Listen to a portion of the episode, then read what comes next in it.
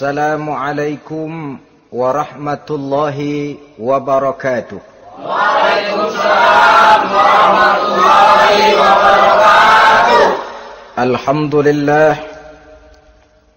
الحمد لله الجبار القهار العزيز الغفار خالق الجنة والنار.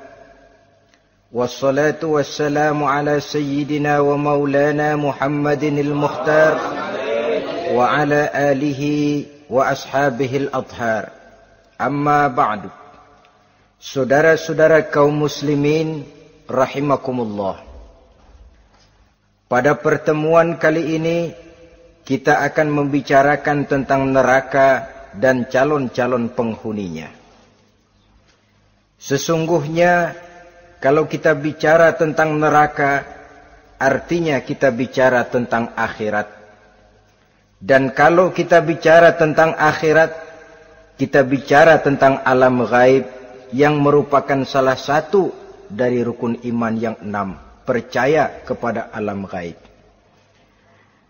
Kalau sudah bicara alam gaib, maka ini di luar batas kemampuan nilai-nilai ilmiah dan di luar batas kemampuan renungan filsafat.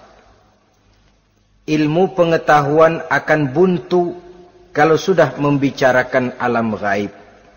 Artinya, kehidupan di akhirat itu tidak bisa diteliti secara ilmiah. Filsafat pun akan ngambang kalau sudah membicarakan kehidupan di alam gaib. Karena itu kalau kita kembali kepada logika, jika kita ingin mengerti tentang caranya membuat bangku, kita pergi ke tukang bangku dan bertanya kepadanya. Kita ingin mengerti cara membuat mobil, kita pergi ke tukang mobil, ke bengkel mobil dan bertanya kepada ahlinya. Pun dalam urusan alam gaib, sudah sewajarnya kita kembali kepada penjelasan dari sang pencipta alam gaib, yakni Allah subhanahu wa ta'ala dan melalui kitabullah Al-Quranul Karim Allah telah menjelaskan masalah-masalah gaib berupa kehidupan di sorga dan neraka itu secara jelas dan pasti. Dengan kata lain, di dalam membicarakan tentang neraka ini, yang menjadi dasar daripada pemikiran kita adalah rasa iman kepada Allah subhanahu wa ta'ala. Karena soal neraka tidak pernah bisa dibuktikan dengan ilmu pengetahuan. Tidak bisa diselidiki sebab orang yang sudah pulang ke sana pun tidak pernah kembali lagi kemari. Untuk kita tanya bagaimana hal ihwal keadaan di sana. Saudara-saudara kaum muslimin rahimakumullah.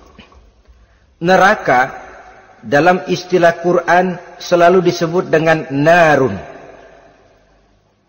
yaitu suatu tempat di akhirat nanti yang wujudnya berupa api yang bergejolak bernyala dengan teramat dahsyatnya sehingga dapat mengelupaskan kepala setiap orang dan menjulang ke hati. Diriwayatkan oleh Imam Bukhari dan Muslim bahwa Rasulullah sallallahu alaihi wasallam pernah bersabda narukum hazihi allati tuqiduna juz'un min sab'ina jazaan min harri jahannam qalu wallahi in kanat lakafiyatun ya rasulullah qala fa innaha fadlat bi tis'in wa sittina jazaa apimu yang kamu pakai di dunia ini kata nabi untuk memasak, untuk menyalakan lampu, api yang kau pakai di dunia ini cuma satu bagian kecil dari tujuh puluh kali bagian panasnya neraka jahanam. Sahabat waktu itu terperanjat lalu berkata, Wallah, in kanat lakafiyatun ya Rasulullah. Ya Rasul, api di dunia ini saja sudah cukup untuk menghanguskan kami untuk menghanguskan apa yang ada. Bersabda Rasulullah sallallahu alaihi wasallam, maka sesungguhnya api neraka itu dilebihkan panasnya dengan 69 kali daripada panasnya api di dunia ini. Jadi sepanas-panasnya api yang pernah kita rasakan di dunia ini, maka api di neraka nanti 69 kali lebih panas dari api yang kita rasakan paling panas di dunia. Hadis yang senada dengan penjelasan ini di samping Jawahirul Bukhari kita bisa menemukannya dalam Mukhtasar Tazkiratul Qurtubi dan Mukhtasar Ibnu Abi Jamrah misalnya. Saudara-saudara kaum muslimin rahimakumullah. Sehingga boleh jadi seringan-ringan azab penduduk neraka di akhirat nanti kata Nabi. Seorang yang di telapak kakinya diletakkan kerikil neraka yang sangat kecil lalu mendidih otaknya. Itu seringan-ringannya. Di tapak kakinya diletakkan kerikil neraka yang oleh karena panasnya lalu mendidih otaknya. Itu yang paling ringan, nggak apa-apa. Cuma segitu aja. Di telapak kakinya ditaruh kerikil, otaknya lalu jadi mendidih karena menahan panas. Pantas kalau satu hari Luqmanul Hakim pernah memberikan nasihat kepada anaknya, kata beliau, anakku, kerjakanlah dosa seberapa kekuatanmu menanggung azab Allah.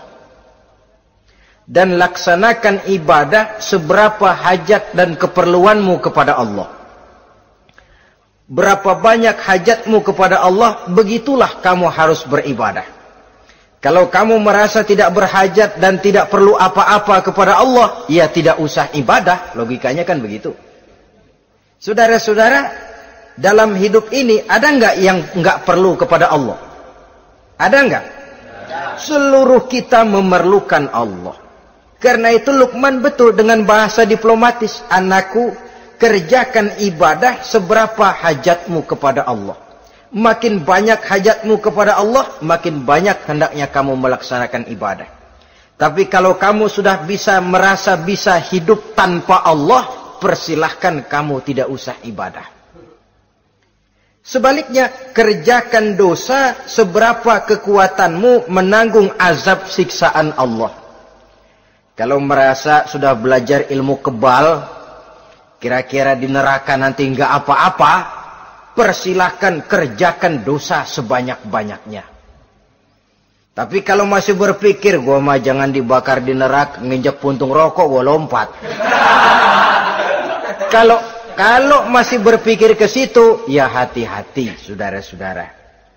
Nah, sebagaimana surga, neraka pun ada pintu-pintunya. Dan yang melalui pintu-pintu itu sesuai dengan dosa yang dia kerjakan pada waktu kehidupannya di dunia ini. Jadi setelah manusia diadili, mereka kumpul di padang mahsyar beramai-ramai. Yang mendapat kitab di tangan kanan, yang selamat dari proses pengadilan, yang sudah nyata lebih banyak kebaikannya daripada kesalahannya, wajah mereka berseri-seri. Tapi yang rapotnya merah, yang timbangannya lebih banyak kejahatannya, mereka mukanya udah pada gulem. Di tengah itulah kedengaran pernyataan dari Allah Subhanahu wa taala. Salamun qaulan min Rabbir Rahim. Ada ucapan selamat dari Allah Tuhan yang Maha Pengasih dan Maha Penyayang. Salamun alaikum Selamatlah kamu, wahai orang-orang yang kelak akan sampai ke surga. Yang lulus di pengadilan dapat ucapan selamat dari Allah. Tapi pada saat itu juga Allah mengatakan, Wamtazul yawma ayyuhal mujrimun. Pada hari ini, semua orang-orang yang kurang ajar, supaya minggir. Wamtazul yawma ayyuhal mujrimun Orang-orang yang durjana, kelompok durhaka, para pembuat dosa, misah hari ini, minggir semuanya. Kamu akan digiring ke dalam neraka. Saudara-saudara kaum muslimin rahimakumullah. Baik mereka yang akan menuju surga, baik mereka yang akan masuk ke dalam neraka, sama melintasi satu jembatan yang melintang di atas neraka. Dalam surah Maryam ayat 71 dan 72. Walaupun jembatan itu tidak digambarkan secara jelas, tapi kita temukan penjelasan Allah sebagai berikut. Wa inna minkum illa wariduha kana ala rabbika hatman maqdiya thumma nunajjil lazina taqaw wa nazaru zalimina fiha. Saudara-saudara, dan tidak ada setiap orang pun kecuali mereka akan melalui api neraka itu. Adapun orang-orang yang bertakwa, mereka diselamatkan oleh Allah, sedangkan orang-orang yang zalim, mereka terlempar ke dalam jurang neraka. Nah, itu yang dinamakan dengan sirat. Ada memang riwayat menjelaskan bahwa sirat itu kecilnya seperti rambut di belah tujuh, tajamnya lebih tajam dari mata pedang. Tapi dalam banyak hal, orang lewat di atas sirat itu bergantung kepada amalannya waktu dia hidup di dunia ini. Maka jangan heran, ada orang yang lewat di atas sirat itu seperti kilat. Lep, sudah sampai di surga.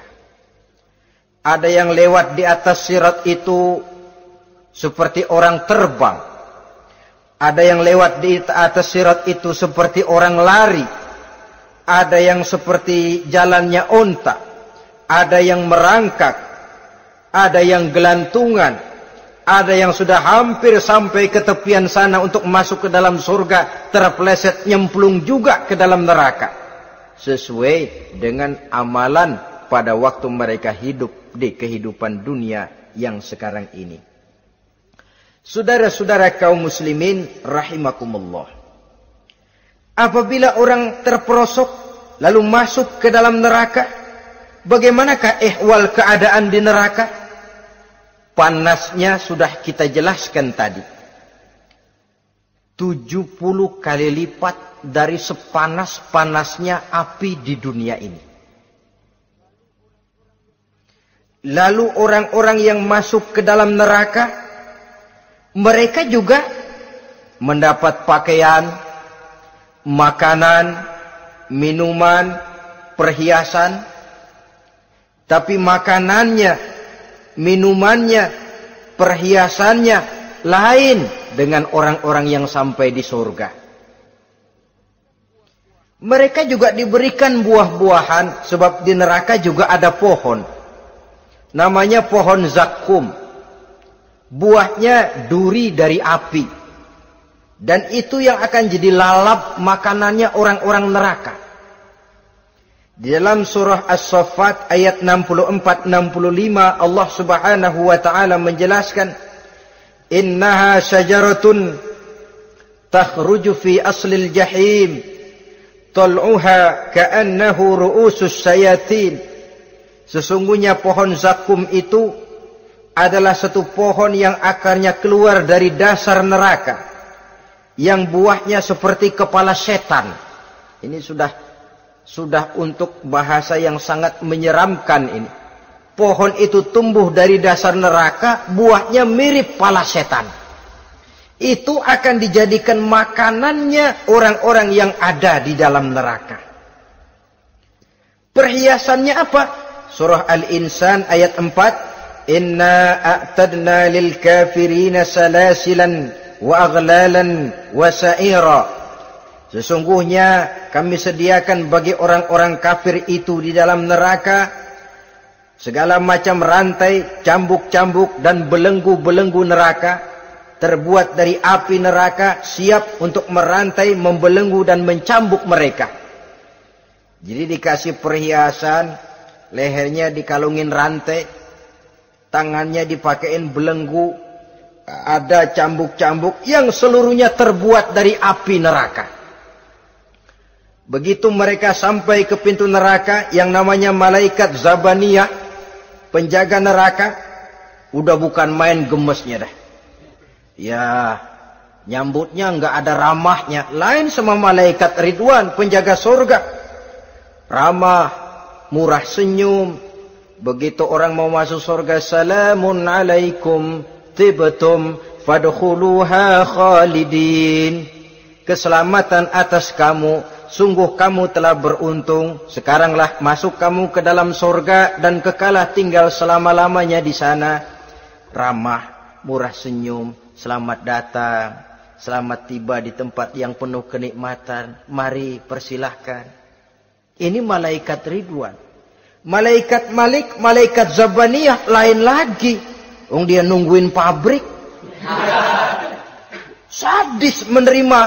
Matanya melotot. Hmm, ini dia. Manusia-manusia kurang ajar. Yang waktu di dunia sudah datang para rasul. Sudah turun agama. Sudah datang Al-Quran tapi belagak pilon. Sini loh. Nih rantai. Belenggu. Lalu dirangkeng. Dimasukkan ke dalam neraka. Na'udzubillah summa na'udzubillah. Saudara-saudara, lalu terpikir oleh kita, kalau begitu panasnya api neraka, sekali lempar orang terus mati dong. Ya enak kalau boleh begitu sih. Begitu dilempar ke neraka terus mati, enak. Ternyata tidak.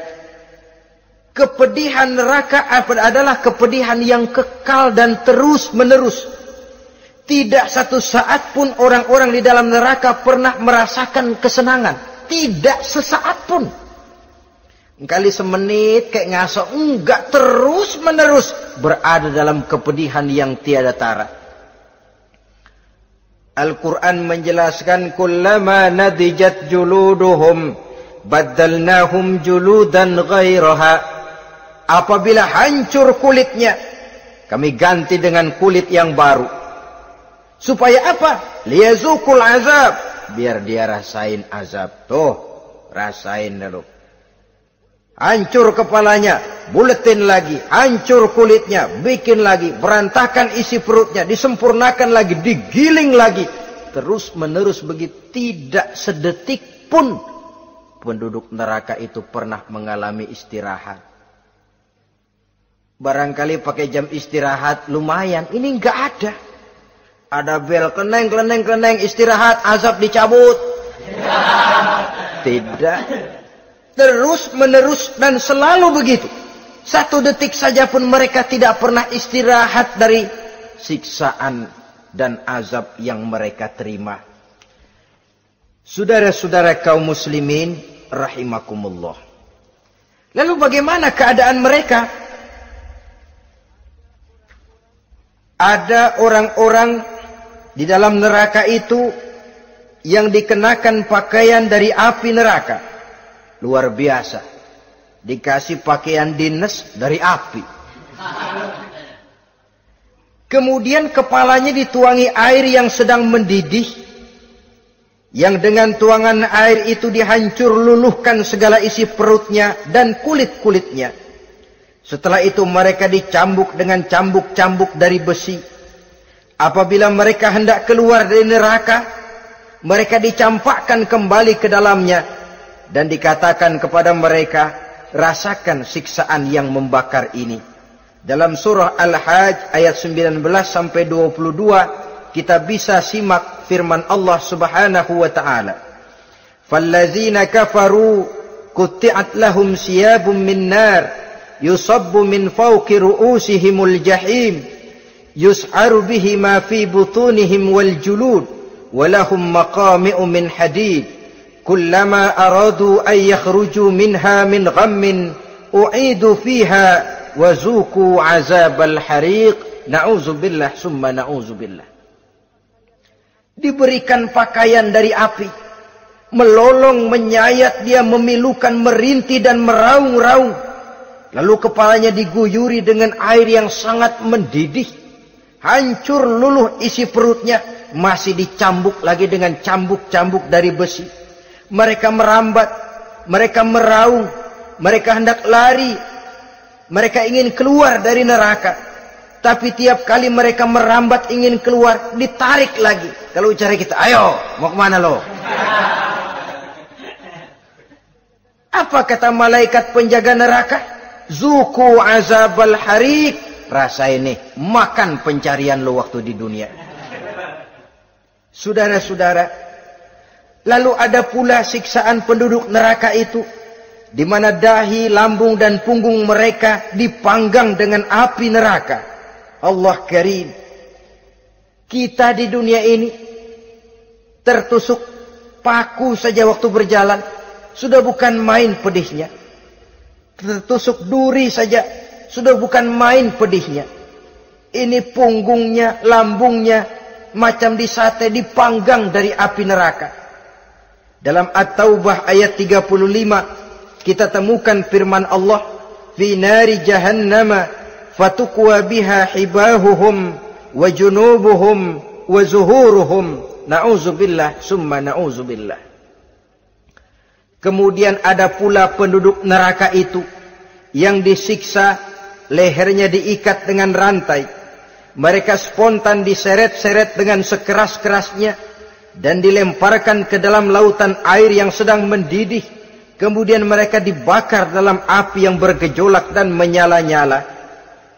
Pada surah Al-Mu'min ayat 71 dan 72 Allah Subhanahu wa taala menjelaskan Izil aghlalu fi a'nakihim was-salasil yushabuna fil hamim summa fin nari yusjarun ketika belenggu dan rantai dipasang di leher mereka supaya mereka diseret ke dalam air yang sangat panas kemudian mereka dibakar dalam api ada lagi penduduk neraka yang dipegang jambulnya lalu diseret ke tengah-tengah neraka kemudian kepalanya digerujugi dengan air yang mendidih seperti yang dijelaskan dalam surah Ad-Dukhan ayat 47 dan 49. Pendeknya azab dan siksaan neraka itu sesuailah dengan amalan dosa yang dikerjakan manusia pada waktu kehidupan di dunia ini. Maka dalam puncak perjalanan Mi'raj misalnya kepada Rasulullah sallallahu alaihi wasallam diberikan berbagai macam penglihatan sebagai contoh dan tamsil dari kehidupan di dunia ini sejak dari penglihatan di jalan sampai kepada penglihatan surga dengan segala kenikmatannya dan neraka dengan seluruh azabnya seluruhnya merupakan contoh teladan. Misalnya dalam perjalanan di ketika hendak mi'raj itu sebelum berangkat Rasul disodorkan dua minuman. Segelas berisi arak segelas lagi berisi susu. Kata malaikat Jibril, ambillah salah satu minuman itu ya Muhammad. Lalu Rasul dengan tidak ragu-ragu, mantap betul beliau mengambil gelas yang berisi susu, lalu beliau minum. Setelah beliau minum itu, malaikat Jibril berkata, Sodakta ya Muhammad. Engkau telah benar Muhammad. Lakod asobtal haq, pilihanmu tepat. Kenapa ya Jibril? Untung susu yang kamu minum Muhammad. Kalau arak yang kamu ambil, pasti umatmu bakal jadi umat yang teler semua. Ini pun satu contoh buat kita semua. Bahwa dalam kehidupan kita selalu berhadapan dengan susu dan arak. Berhadapan dengan hak dan batil. Berhadapan dengan benar dan salah. Maka hati-hati kita jangan sampai salah pilih karenanya. Lalu yang ada kaitannya dengan persoalan kita penglihatan yang diberikan Allah kepada beliau di neraka. Beliau melihat sekelompok orang dilontari kepalanya dengan batu dari api neraka. Tiap kali dilontari kepala itu hancur berkeping-keping berantakan otaknya. Lalu dibulatkan kembali. Setelah kepala itu bulat kembali disambitin lagi menjerit, meraung, merintih kesakitan, hancur kepalanya, berantakan otaknya, lalu dibulatkan lagi, terus menerus begitu, tidak pernah berhenti. Sampai Rasul bertanya, Ya Jibril, ini orang kenapa kepalanya dilontari dengan api neraka sampai hancur lalu dibulatkan kembali. Kata malaikat Jibril, Ya Muhammad, itulah contoh daripada umatmu yang berat untuk sujud kepada Allah Tuhannya. Itulah contoh dari umatmu yang waktu hidup di dunianya tidak pernah mendirikan solat sama sekali. Sombong yang paling sombong adalah sombong kepada Allah. Artinya tidak mau sujud kepada sang maha penciptanya. Jadi barangkali saudara punya cita-cita atau keinginan, ah saya mau yang ini saja. Persilahkan, gak usah sembahyang. Lalu ada lagi sekelompok kaum. Perutnya besar, sebesar rumah. Dililit dengan kala dan ular dari api neraka. Diseret-seret dia di jurang neraka dipatoki ular, hancur perutnya, dibulatkan lagi perut itu, diseret kembali, hancur lagi, dibulatkan lagi, terus menerus seperti itu. Kata Nabi ya Jibril, ini apa lagi? Kata malaikat Jibril, wahai Muhammad, inilah contoh daripada umatmu yang waktu di dunia suka makan riba alias renten dan suka makan harta anak yatim. Suka ngobiekin anak yatim Sok jadi pengasuh anak yatim. Anak yatimnya lapar, pengasuhnya yang pada kenyang. Saudara hadirin yang saya muliakan. Orang yang makan riba alias renten. Orang yang makan harta anak yatim. Begitu gambaran yang diperlihatkan kepada baginda Rasulullah Sallallahu Alaihi Wasallam. Sebagian lagi ada penduduk neraka yang kukunya terbuat dari tembaga dari api neraka. Panjang sangat kukunya itu. Lalu mencakar-cakar mukanya sendiri. Hancur mukanya berantakan dicakari oleh kukunya itu. Lalu dibulatkan lagi. Dicakar lagi. Hancur lagi. Dibulatkan lagi. Pengangguran benar nih orang. Muka sendiri dicakarin sendiri.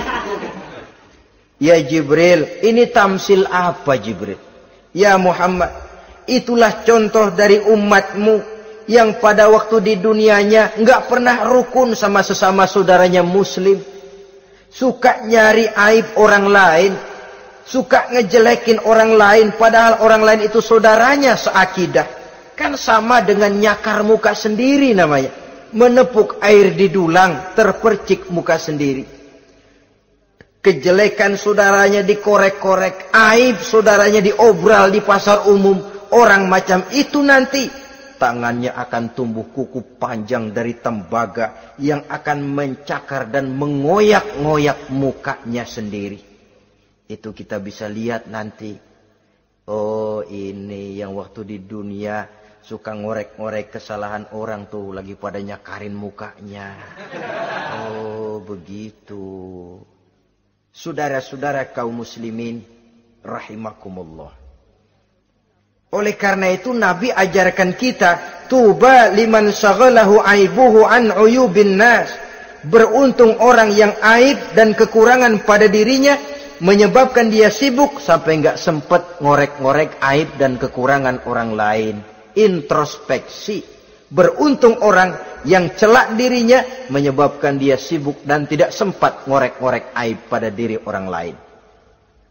Ada pula di antaranya dilihat oleh Rasul di antara penduduk neraka itu orang yang lidahnya terjulur memanjang kemudian dipotong lidah itu dengan gunting dari api neraka menjerit dan memekik ia menahan sakit yang tiada tara sampai Rasul bertanya kepada malaikat Jibril kalau ini tamsil apa lagi ya Jibril? Kata malaikat Jibril, wahai Muhammad, inilah contoh dari umatmu, orang-orang yang waktu di dunia tidak pandai menjaga lidahnya, suka menggunjing orang, suka memfitnah orang, suka ghibah dan namimah, suka ngomongin orang di belakang yang bersangkutan. Maka hari ini lidahnya menjulur menjadi panjang dan dipotong dengan gunting dari api neraka. Lalu Rasul juga melihat sekelompok orang perempuan tergantung rambutnya dari gantungan api neraka. Kemudian dipanggang dari duburnya sampai ke atas kepalanya dengan tombak dari api neraka, meraung dan merintih serta mengeluarkan nanah dari kemaluannya. Rasul bertanya, ini apa lagi ya Jibril? Kata malaikat Jibril, inilah perempuan yang waktu di dunia tidak pandai menjaga kehormatan dirinya. Ahli zina dan tukang umbar. Saudara-saudara kaum muslimin rahimakumullah. Banyak lagi tamsil-tamsil yang dicontohkan dalam puncak perjalanan Mi'raj yang seluruhnya merupakan peringatan bagi kita umat Rasulullah sallallahu alaihi wasallam. Nah, kemudian sekarang marilah kita bicarakan neraka itu satu demi satu. Yang pertama dan ini yang paling dikenal orang neraka jahanam atau naru jahannam. Siapa yang dijelaskan Allah akan menjadi penghuni neraka jahannam ini? Pertama dalam surah Al-Ankabut ayat 68. Wa man azlamu mimman iftara 'ala Allahi kadziban aw kadzdzaba bil haqqi lamma ja'ahu alaysa fi jahannam maswal lil kafirin Adapun orang-orang yang zalim kepada Allah mendustakan ayat-ayat Allah dan mendustakan kebenaran setelah datang kebenaran itu bukankah neraka jahanam merupakan tempat kembali bagi orang-orang kafir? Jadi dalam Al-Ankabut ayat 68 ini dijelaskan penduduk neraka jahanam itu pertama adalah orang-orang kafir. Siapa orang kafir? Menurut keyakinan akidah kita setiap orang di luar Islam adalah kafir. Kemudian yang kedua dalam surah Al-Hijr ayat 42 dan 43 penduduk neraka jahanam itu inna ibadi laisa laka alaihim sultanun illa man ittaba'aka minal ghawin wa inna jahannama la maw'iduhum ajma'in Sesungguhnya hamba-hambaku tidak akan bisa kamu kuasai hai iblis. Kecuali mereka yang mengikuti tipu dayamu, sesungguhnya neraka jahanamlah tempat mereka seluruhnya. Kalau kita perhatikan ayat ini, maka penghuni neraka jahanam yang kedua adalah para pengikut setan para pengikut setan dengan seluruh ajaran-ajaran yang dilancarkan oleh setan. Padahal pada saat hendak masuk neraka, setan jelas cuci tangan. Tugasnya cuma bagaimana mencari pengikut sebanyak-banyaknya yang akan nemenin dia di neraka nanti. Tapi pada saat orang digiring ke dalam neraka, setan cuci tangan. Mungkin orang menuntut eh setan gue ngikutin lu. Sekarang kenapa jadi kemari? Nah gue bilang juga apa? Kata setan. Gue bilang juga apa? Lu kenapa ngikutin? Dan setan ini menebar ranjau dalam segala bentuknya dengan segala macam caranya.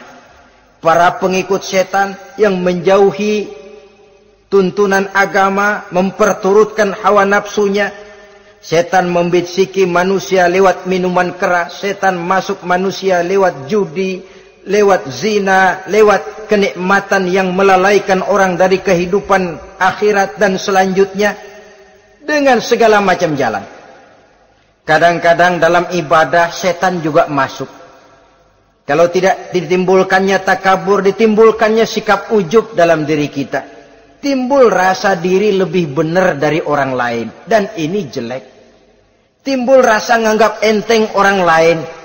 Itu kan ujub, nggak dikelihatannya orang, cuma hatinya aja ngomong sendirian. Hmm, kalau gue lihat di kampung ini nggak ada yang kayak gue. Bayangnya kayak ibadahnya kayak udah aing pang paling nak yo di dia. Itu juga bisikan iblis. Dan dia tidak segan-segan mengaku jadi Tuhan iblis itu. Dan ini diceritakan dalam kehidupan Sayyidus Syekh Abdul Qadir Jailani ketika beliau sedang ibadah di mihrab dalam masjid datang seberkas sinar. Sinar itu ngomong ya Abdul Qadir ana rabbuk. Hai Abdul Qadir aku Tuhanmu kata cahaya tadi. Sudah cukup kamu ibadah Abdul Qadir. Sembayangmu udah banyak puasamu udah banyak jihadmu cukup. Maka mulai sekarang berhenti dah ibadah Aku bolehkan kepada kamu segala yang dilarang. Cuma yang didatangi Syekh Abdul Qadir. Sehingga mendengar cahaya tadi ngomong begitu, beliau ambil kasut, sendal, disambitnya cahaya tadi, izhab ya la'in. Pergi, laknat, terkutuk, iblis kamu. Masa saya disuruh berhenti sembahyang karena hati saya sudah baik? Kalau hati sudah baik lalu boleh berhenti sembahyang, mestinya yang paling dulu berhenti sembahyang Nabi Muhammad sebab beliau orangnya paling baik. Tapi Nabi hatinya baik, sholat jalan terus, hukum halal haram berlaku. Ini kadang-kadang orang sekarang baru ibadah dikit banget merasa dapat bisikan katanya. Wangsit. Ya berhenti sembahyang madep nah madep ngudek sembahyang. Bikin ajaran yang aneh-aneh. Nah kalau satu orang boleh dapat uang sit, saya juga boleh dong ngomong dapat uang sit. Saya juga boleh dong mendirikan aliran kepercayaan. Saya ngilang dulu dari kampung saya kira-kira tiga tahun. Saya nyepi di kaki gunung salak, pulang piara jenggot, pakai belangkon. Di depan nama saya pakai embel-embel mbah. Saya ngaku dapat wangsit di gunung Ano, mewahyukan kepada saya Ano, Ano, Ano. Saya cari murid yang fanatik. Saudara-saudara kaum muslimin rahimakumullah. Setan membisiki manusia hatta kita sedang ibadah sekalipun dibisikinya. Caranya Mula-mula dia bisikin, lu sembahyang buru-buru dah. Buru-buru udah. Akhirnya apa? Rokok kita nggak sempurna, sujud kita nggak lengkap, tumak ninah kita kurang, bacaan kita tajwidnya nggak kena. Kalau itu bisa kita atasin, kita sembahyang sebagaimana yang seharusnya, dia bisiki lewat jalan lain lagi. Suruhnya yang pendek-pendek aja dah. Atau habis sembahyang udah sigrah, udah jangan pakai wirid, jangan pakai zikir. Dengan segala macam jalan. Dibisikinya was-was ke dalam diri kita. Sehingga ada satu riwayat walaupun doif tapi ini baik untuk dijadikan pelajaran. Konon iblis itu kalau subuh keliling dia. Bawa kulit kambing, jarum sama tepung. Ditanya orang, iblis ini buat apa? Oh kulit kambing, gunanya tahu nggak? Kalau begitu subuh, sudah muazin bilang as-salatu khairum minan naum. Salat lebih baik daripada tidur. Maka ini kulit kambing mulai aku hamparkan buat hamba-hamba Muhammad. Jadi begitu dengar si dengar azan, cuma udah bikin anget udah tidur. Kenapa? Kulit kambing belis masuk. Saudara-saudara, Lalu kata orang tadi lagi, lah kalau tepung buat apa itu? Oh, tepung. Itu kalau umat Muhammad mau baca Quran, baca kitab, mutolaah, gua aurin tepung matanya. Biar dia sepet. Makanya kalau sudah ngaji, baca Quran, bawaannya udah ngantuk aja ngantuk. Oh begitu, iya. Lah kalau duri paku itu buat apa? Nah ini duri paku kalau umat Muhammad mau hadir di majelis taklim, mau pergi ngaji, mau duduk iktikaf di masjid, gua pasangin paku di pantatnya. Jadi kalau sudah duduk di masjid, kelasat, keleset. Hadir di majelis taklim, kelasat, keleset. Bawaannya mau udahan melulu. Itu duri-duri dan paku-paku yang memang ditebarkan oleh iblis. Saudara-saudara kaum muslimin rahimakumullah, jadi para pengikut setan dengan segala macam perangkapnya ini pun ya perangkap setan itu ya dunia, dunia itu ya isinya harta, tahta, wanita. Kan perangkap dunia itu. Harta, tahta, wanita ini sering bikin orang buta. Perangkap dunia dan merupakan perangkap setan sekaligus. Nah, yang ketiga, penghuni neraka jahanam adalah para pembuat dosa, orang-orang yang durhaka. Dalam Toha ayat 74 Allah menjelaskan, Innahu mayyati rabbahu mujriman, fa inna lahu jahannam. Sesungguhnya orang-orang yang datang menghadap Allah dengan berlumuran dosa, maka sesungguhnya bagi mereka adalah neraka jahanam. Dan yang keempat, penghuni neraka jahanam, orang yang kufur nikmat. Tidak cuma kufur iman, tapi kufur nikmat bisa menyebabkan orang masuk neraka jahanam. Belum pernah merasakan dalam hidupnya bahwa Allah memberikan nikmat kepadanya bagaimanapun besar karunia dan nikmat itu.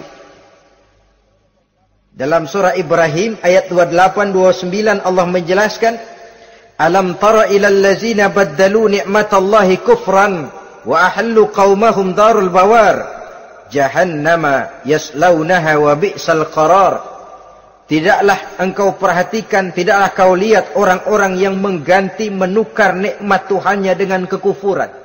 Diberikan nikmat berupa Islam, digantinya dengan kekufuran. Dia tidak tahan kesengsaraan dunia lalu memilih kesengsaraan akhirat. Padahal kesengsaraan akhirat lebih abadi dari kesengsaraan dunia. Ada orang yang gak tahan miskin dunia. Lalu menjatuhkan pilihan lebih memilih miskin akhirat. Ya Allah, keliru besar. Karena nggak tahan hidup miskin di dunia, ada yang nawarin ngasih supermi tiga bungkus, iman telap. ada yang ngasih beras, pindah agama. Ada yang bawain pakaian bekas, tukar akidah, pindah iman. Innalillah Ditukar kemiskinan dunia dengan kemiskinan akhirat. Padahal kemiskinan dunia berapa tahun? Setahun umur manusia. Sepanjang-panjang umur orang sekarang kan. 100 tahun udah jarang umur orang sekarang. 70 aja udah cakep tuh.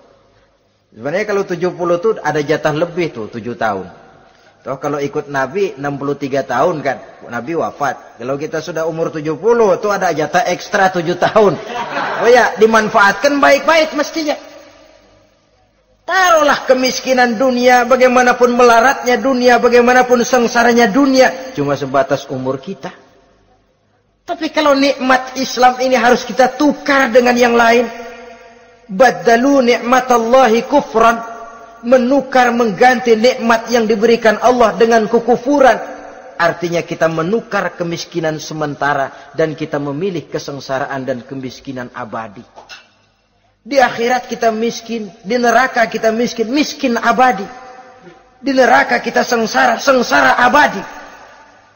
Saudara-saudara kaum muslimin rahimakumullah. Itu neraka jahanam yang kedua dinamakan neraka jahim. Siapa mereka ini para penghuninya? Siapa mereka ini para penghuninya? Pertama dalam surah At-Takasur. Yaitu orang-orang yang bermegah-megah dengan dunia. Menumpuk-numpuk harta. Lalu lupa dengan kesibukan harta itu. Lupa kepada kehidupan yang akhirat nanti. Alhaakumut takasur hatta zurtumul maqabir. Kalla sawfa ta'lamun. Thumma kalla sawfa ta'lamun. Kalla law ta'lamuna ilmal yaqin latarawunnal jahim. Kamu telah lalai akibat apa? At-takasur ini penyakit pertama yang menyebabkan orang sampai ke neraka jahim. Penyakit takasur dan itu penyakit zaman sekarang berlomba-lomba dengan kemegahan materi, berlomba-lomba dengan kemegahan dunia. Padahal kalau urusan itu kita berlomba, tidak akan pernah sampai finish. Percayalah itu. Tidak akan pernah finish. Sebab kemegahan dunia siklus, lingkaran setan. Kita anggap kalau punya duit satu juta tenang. Punya satu juta berubah pikiran. Lain lagi. Kita anggap kalau punya mobil enak. Sudah punya mobil, lain lagi problemnya. Kita anggap kalau rumah sudah gedung, enak hidup. Punya rumah gedung, lain lagi problemnya.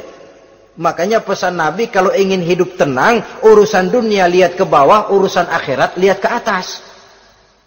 Sering dicontohkan kalau punya mobil, bilang Alhamdulillah kita punya mobil, tangga kita cuma punya motor. Kata yang punya motor, syukur banget kita punya motor, tangga kita punya sepeda doang. Ke mana-mana kekejek mulu. Dayung. Kata yang punya sepeda, Alhamdulillah kita punya sepeda. Tetangga kita cuma jalan kaki, ke mana-mana ngetuk mulu. Kata yang jalan kaki, Alhamdulillah masih bisa jalan. Tangga kita sebelah lumpuh bertahun-tahun nggak ke mana-mana. Kata yang lumpuh, Alhamdulillah masih hidup. Tangga kita kemarin mati nggak balik lagi. Itu dalam urusan dunia. Sehingga sifat takasur ini hilang.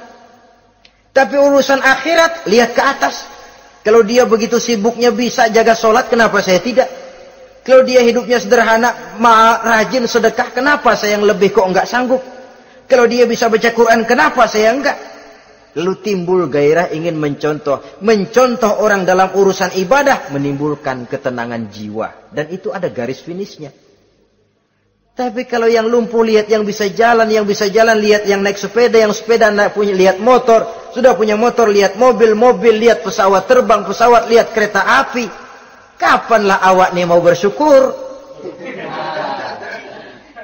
Yang ada kurang saja padahal nikmat itu tidak pernah berhenti bukan dilarang orang kaya. Tetapi perlombaan memperkaya diri itu yang dilarang.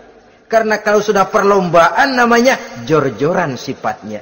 Prinsipnya tujuan menghalalkan cara ini yang dijaga oleh agama. Saudara-saudara, selain penyakit takasur yang menyebabkan orang sampai ke neraka jahim juga perbuatan durjana dalam Al-Infitor ayat 13 14 Innal abrara lafi na'im wa innal fujjara lafi jahim Orang-orang yang berbakti, berbuat kebajikan, mereka akan mendapatkan neraka surga naim. Tetapi orang-orang yang fujar, durjana, kurang ajar, durhaka, lafi jahim, mereka akan mendapatkan neraka jahim. Lalu siapa lagi penghuni jahim itu? Orang-orang yang menentang dan menantang ayat-ayat Allah. Wallazina sa'au fi ayatina mu'ajizin ulaika ashabul jahim dan orang-orang yang berusaha menantang ayat-ayat Allah sehingga melemahkan orang-orang yang mau mengikuti rasul-rasul Allah menantang ayat Allah dan membuat lemah orang yang mengikuti rasul melemahkan semangat orang yang mau mengikuti khitah dan perjalanan Rasul. Mau bangun masjid, iya. Berabe, berat, jangan deh jangan. Jangan aja kapok. Majelis taklim, pahit. Ngaji, berat, melemahkan ini. Sudah dia rusak, merusak lagi. Kalau rusak kan cuma sendirian. Ini tidak, sudah rusak, merusak. Mu'ajizin, melemahkan orang-orang yang mau mengikuti ayat-ayat Allah. Dan itu tidak jarang zaman sekarang ini. Orang yang melemahkan semangat kita dalam berjuang menegakkan kebenaran. Kita yakin Islam agama yang benar, kita yakin Islam agama yang sempurna. Ada saja orang yang melemahkan semangat kita. Yang berteori bahwa ada ayat-ayat Quran yang tidak relevan lagi dengan situasi dan kondisi yang berteori bahwa Nabi Muhammad cuma sebagai manusia biasa yang tidak terlepas kemungkinan dari salah. Pendeknya melemahkan nilai-nilai semangat kita untuk memperjuangkan Islam ini. Ini pun termasuk mu'ajizin. Mereka akan menemukan nanti di akhirat kapling di dalam neraka yang dinamakan neraka jahim. Na'udzubillah summa na'udzubillah. Yang ketiga, saudara-saudara, di antara nama neraka itu adalah neraka Hawiyah. Siapa penghuni neraka Hawiyah ini? Dalam surah Al-Qari'ah ayat 8 sampai 11 dijelaskan secara simpel wa amma man khaffat mawazinuhu fa ummuhu hawiyah. Adapun orang-orang yang ringan timbangan kebaikannya maka tempatnya adalah neraka hawiyah. Artinya orang ini lebih berat timbangan kejahatannya, sedikit kebaikannya sehingga jadi ringan di timbangan akhirat nanti. Salat, salat, puasa, puasa, zakat, zakat, tapi dosa yang dikerjakan masih lebih banyak ketimbang kebaikan yang dikerjakannya itu. Maka orang semacam ini apabila tidak mendapat syafaat maka dia akan masuk ke dalam neraka yang namanya neraka hawiyah. Lalu yang keempat neraka wail. Dalam surah Al-Maun ayat 1 sampai 7 garis besarnya yang mendapat neraka wail adalah para pendusta agama. Siapa sih pendusta agama itu Ara'aita allazi yukazzibu bid-din? Tidakkah kamu lihat siapa orang-orang yang mendustakan agama? Mendustakan agama. Beragama tapi bohong. Salatnya bohong, hajinya bohong, puasanya bohong. Mendustakan agama. Siapa mereka? Fazalikal ladzi yad'ul yatim. Pertama orang yang suka menghardik anak yatim. Anak yatim yang lemah, anak yatim yang tidak berdaya, yang hidup dipayungi kemiskinan dan kekurangan, bukan ditolongnya, malah dihardiknya. Jangan lupa, saudara yang sudah dua tiga kali pergi ke Makkah, saudara yang khusyuk dalam sujudnya, saudara yang mantap dalam puasanya, mungkin saja bisa terhalang masuk ke dalam sorga. Karena di samping rumah saudara, ada anak yatim merintih menahan lapar dan haus. Saudara tahu, saudara mampu, tapi saudara diam saja tidak mau mengulurkan tangan. Mungkin itu yang akan mengganjal saudara untuk masuk ke dalam sorga. Wala yahuddu ala tu'amil miskin. Mereka membiarkan fakir miskin tidak memberikan makan. Kemudian fawailul lil musallin. Mereka juga melalaikan solat. Allazina hum an solatihim sahun. Allazina yura'un. Mereka juga riak di dalam amalnya. Saudara hadirin kaum muslimin rahimakumullah. Melakukan melalaikan solat. Kemudian riak dengan amalnya termasuk amalan solatnya. Kalau jadi imam, bahasanya dibuat sepasih-pasihnya, surahnya yang panjang-panjang, paling pendek sabihis sama wadduha. Tapi kalau solat sendirian cukup kul huwallahu ahad sama inna a'toina kal kausar. Hilang lagi nilai keikhlasannya. Dan terakhir mereka enggan untuk membayar zakat yang memenuhi ciri-ciri inilah yang dikatakan sebagai pendusta agama, menghardik yatim, membiarkan fakir miskin, melalaikan solat, ria dan enggan membayar zakat. Mereka difonis mendapat neraka wail seperti dalam surah Al-Maun ayat 1 sampai dengan 7. Saudara-saudara kaum muslimin rahimakumullah. Yang kelima neraka sair Neraka sair ini pertama buat mereka yang memakan harta yatim. Kalau tadi tidak mau membantu, ini malah membantu tapi tujuannya malah ngobyekin anak yatim. Mereka yang memakan harta yatim dalam An-Nisa ayat 10. Innal ladzina ya'kuluna amwalal yatama zulman innama ya'kuluna fi butunihim nara wa sayaslawna sa'ira. Sesungguhnya orang-orang yang memakan harta anak-anak yatim dengan zalim, mereka sebenarnya telah memakan neraka, memasukkan api neraka ke dalam perutnya. Mereka akan dilontarkan ke neraka syair. Selain itu, orang-orang yang mengingkari apa yang diturunkan oleh Allah Subhanahu wa taala, mengingkari kebenaran Quran, mengingkari Rasul, pendeknya mengingkari Islam dijelaskan dalam surah Luqman ayat 21. Yang keenam saudara-saudara yang dinamakan dengan neraka lazo namanya. Pertama untuk pembangkang dan orang yang menjauhi agama. Yang kedua orang yang berpaling dari kebenaran. Dan yang ketiga orang yang suka menumpuk-numpuk harta dan menyimpannya. Tidak mau membayar zakat, infak, apalagi sodakoh. Ini kita temukan penjelasannya dalam surah Al-Ma'arij ayat 15 dan 17. Yang ketujuh dinamakan neraka sakor. Siapa penghuni neraka sakor ini? Pertama orang yang tidak pernah sholat. Yang kedua tidak pernah memberi makan orang-orang miskin. Yang ketiga ahli membicarakan yang batil.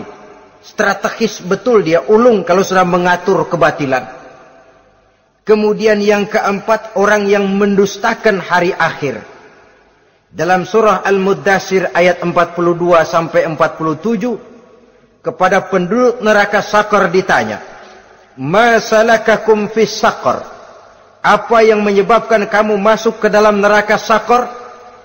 Qalu lam naku minal musallin wa la naku nut'imal masakin wa kunna nakhudu ma'al khaidin wa kunna nukazzibu yaumaddin.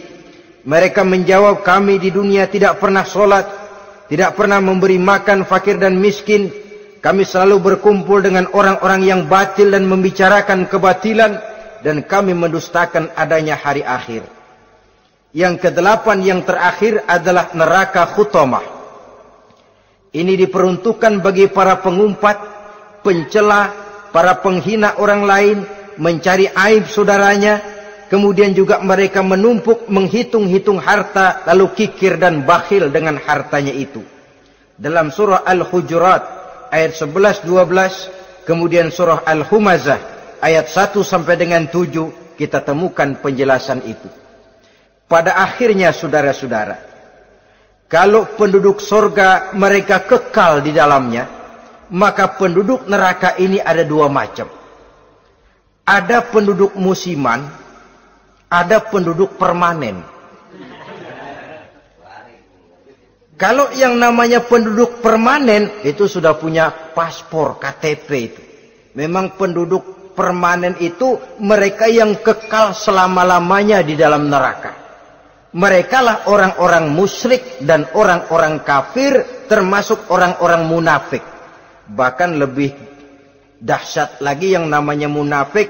Kata Allah innal munafiqin fid darkil asfal minan nar orang munafik itu berada di dasar jurang neraka yang paling bawah keraknya neraka.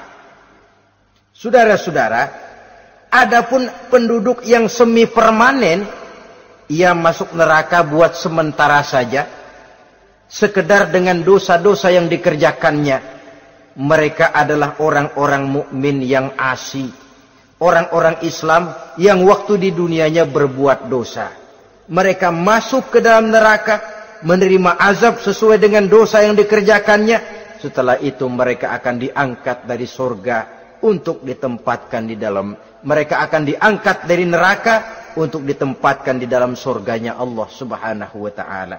Seperti banyak dijelaskan dalam hadis-hadis sahih yang diriwayatkan oleh Imam Bukhari dan Muslim.